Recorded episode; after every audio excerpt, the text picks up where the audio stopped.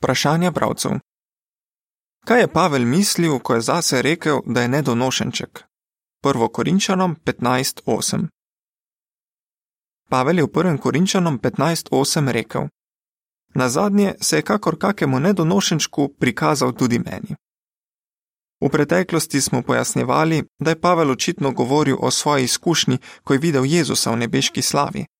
Bilo je tako, kot da mu je bila podeljena čast, da je rojen oziroma obojen v duhovno življenje predčasno, stoletja preden je takšno stajenje dejansko začelo potekati. Vendar smo z nadaljnim raziskovanjem odkrili, da moramo spremeniti razlago te vrstice. Res je, da je Pavel s temi besedami imel v mislih to, kar se je zgodilo ob njegovi spreobrnitvi. Ampak kaj je mislil, ko je zase rekel, da je nedonošenček? Obstaja več možnosti. Njegova spreobrnitev je bila nenadna in traumatična. Do prezgodnjega rojstva pogosto pride nepričakovano. Ko je Savel, kasneje znan kot Pavel, potoval Damask, da bi preganjal kristjane, ni pričakoval, da bo v videnju videl obojenega Jezusa.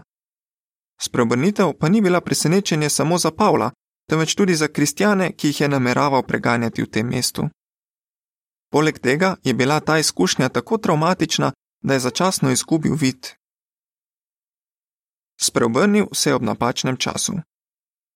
Izvirna grška beseda, ki se prevaja z nedonošenček, se lahko prevede tudi kot tisti, ki je rojen ob napačnem času.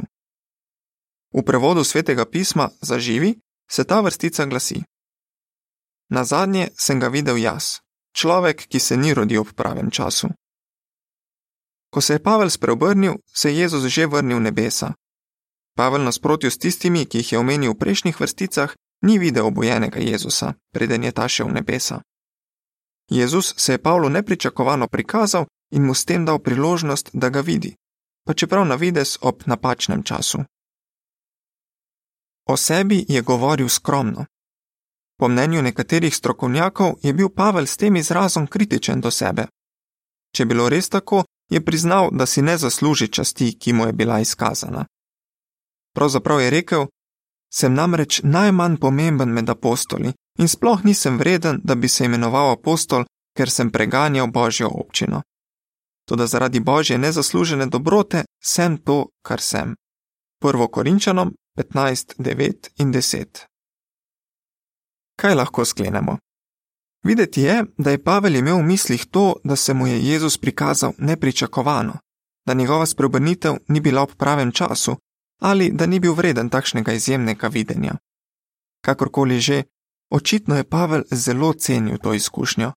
Za nje je bila nedvoumen dokaz, da je bil Jezus obojen od mrtvih. Nič čudnega, da je pogosto govoril o tej nepričakovani izkušnji, ko je v Jezusovem stajenju oznanjeval drugim. Konec članka.